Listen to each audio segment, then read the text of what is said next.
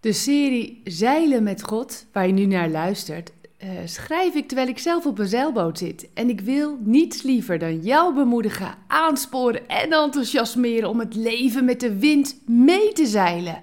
Maar hoe doe je dat? Volg dan ook deze serie en ga grote vissen vangen. En dan nu naar vandaag. Ben jij wel eens aan lager wal geraakt? Oftewel, je staat er niet al te best voor. Dat maak je een moeilijke periode door. Heb je een, uh, ja, wat zal ik zeggen, een fortuin verloren? Of ja, ben je aan de drank geraakt? In de zeilwereld worden de termen hoger wal en lager wal gebruikt om de kant van het land ten opzichte van de windrichting aan te geven. We gaan even technisch, daar komt hij. Hoger wal is de wal waar de wind vandaan komt. Lager wal is de wal waar de wind naartoe gaat. Ja, en zeg je, dus Wilma, en nu? Nou, in Nederland waait het altijd. Vertel mij wat. Terwijl ik dit schrijf en nu dus aan je voorlees, zeil ik met mijn allerliefste lief in de buurt van Urk. En ja, lig je dan een hoger wal, dan is het wegvaren van de kant simpel. De wind helpt. Jouw schip wordt van de kant afgeblazen. Maar ligt je schip aan lager wal, dan blaast de wind je weer richting de wal. Wegvaren met harde wind is dat echt een gedoe.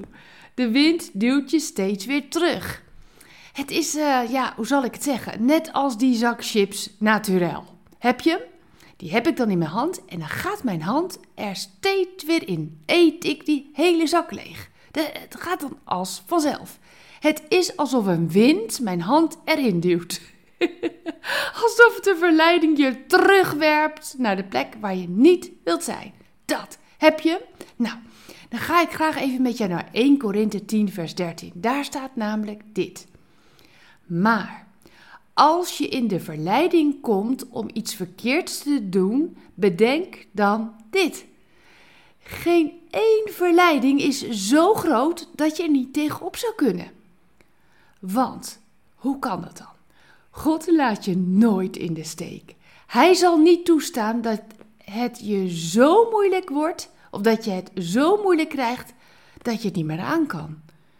Want hij zal, als er verleidingen komen, ook voor de oplossing zorgen. Wauw! Dit vers in 1 Korinthe 10 zegt dat God met oplossingen er is voor jou. En dan staat er verder, daardoor zul je sterk genoeg zijn om de juiste beslissingen te nemen. Wat is het toch mooi dat als je aan lager wal bent geraakt, dat je mag weten dat als je zo graag veranderen wilt en de wind blaast je telkens weer terug op de plek waar je juist vandaan wilt, dan wil ik tegen je zeggen: hou moed. Hou moed.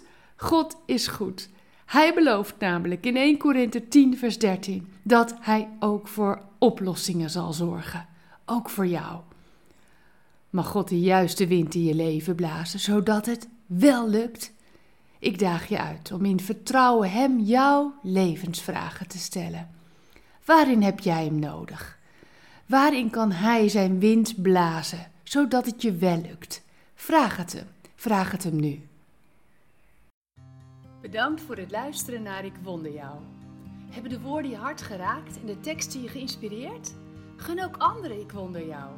Meld ze aan bij www.ikwonderjou.nl. Ik ben zo blij dat je bestaat.